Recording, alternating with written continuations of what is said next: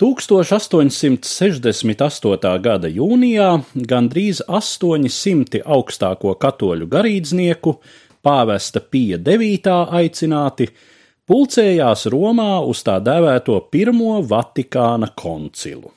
Pāvesta mērķis bija pirmām kārtām stiprināt baznīcas ideisko un arī politisko vienību, iepretīm tā laika jaunajiem izaicinājumiem - racionālismam, liberālismam, materiālismam, lielā mērā arī modernajam sekulārismam, jo koncils cita starpā vērsās arī pret sirdsapziņas brīvības un baznīcas un valsts šķīruma idejām. Roma tobrīd vēl bija nedalīta pāvesta valsts galvaspilsēta. Kaut arī pati šī valsts jau bija zaudējusi lielāko daļu kādreizējās teritorijas nesen tapušajai vienotajai Itālijai. Savu plānoto noslēgumu Pirmais Vatikāna koncils tā arī nekad nepiedzīvoja.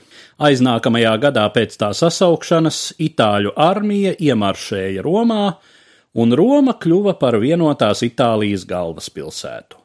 Tomēr pirms tam Vatikāna koncils paspēja pieņemt vairākus nozīmīgus lēmumus, starp kuriem bija arī dogma par pāvesta nemaldīgumu, kuru koncils apstiprināja 1870. gada 18. jūlijā. Aplams gan ir priekšstats, ka līdz ar 1870. gada formulējumu pāvests personāli un visās savās izpausmēs būtu atzīts par nemaldīgu un nekļūdīgu.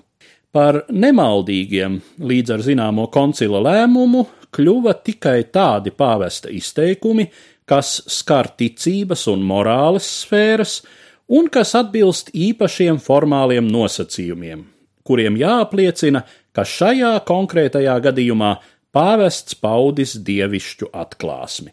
Citiem vārdiem, to, ka minētais pāvesta izteikums uzskatāms par nemaldīgu, pāvestam īpaši jāpasludina. Nemaldīguma princips nepavisam nenozīmē, ka ik viens pāvesta izteikums tagad katoļu pasaulē automātiski iegūtu neapšaubāmas patiesības statusu, vai, kā to reizēm iedomājas, ka Līdz ar to katoļu baznīcas galvam būtu piešķirta imunitāte pret grēcīgumu, ka neviens viņa darbs nevarētu tikt atzīts par kļūmīgu.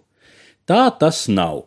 Zīmīgi, ka visā laika periodā pēc 1870. gada Svētā krēsla saimnieks tikai vienreiz izmantojis savu nemaldīguma statusu, un tas notika 1950. gadā, kad pāvests Pīs 12. pasludināja par nemaldīgu jaunavas Marijas debesu braukšanas ideju, proti to, ka dievmāte pēc savu šīs zemes gaitu noslēgšanās ar miesu un dvēseli uzņemta debesu godībā.